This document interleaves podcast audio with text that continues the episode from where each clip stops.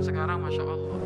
Makan telat aja sudah, uh, kayak merasa kok hidup susah banget. Makan telat hidup susah banget. Bukan hidup susah banget itu, hatimu itu yang kebangetan kotornya itu.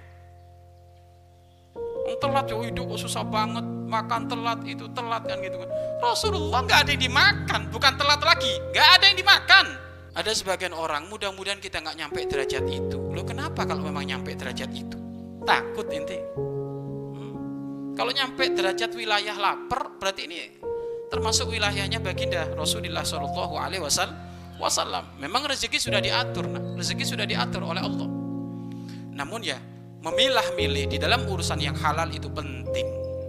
Ya. Sekarang coba ada ayam satu nampan, ada ayam satu nam, nampan.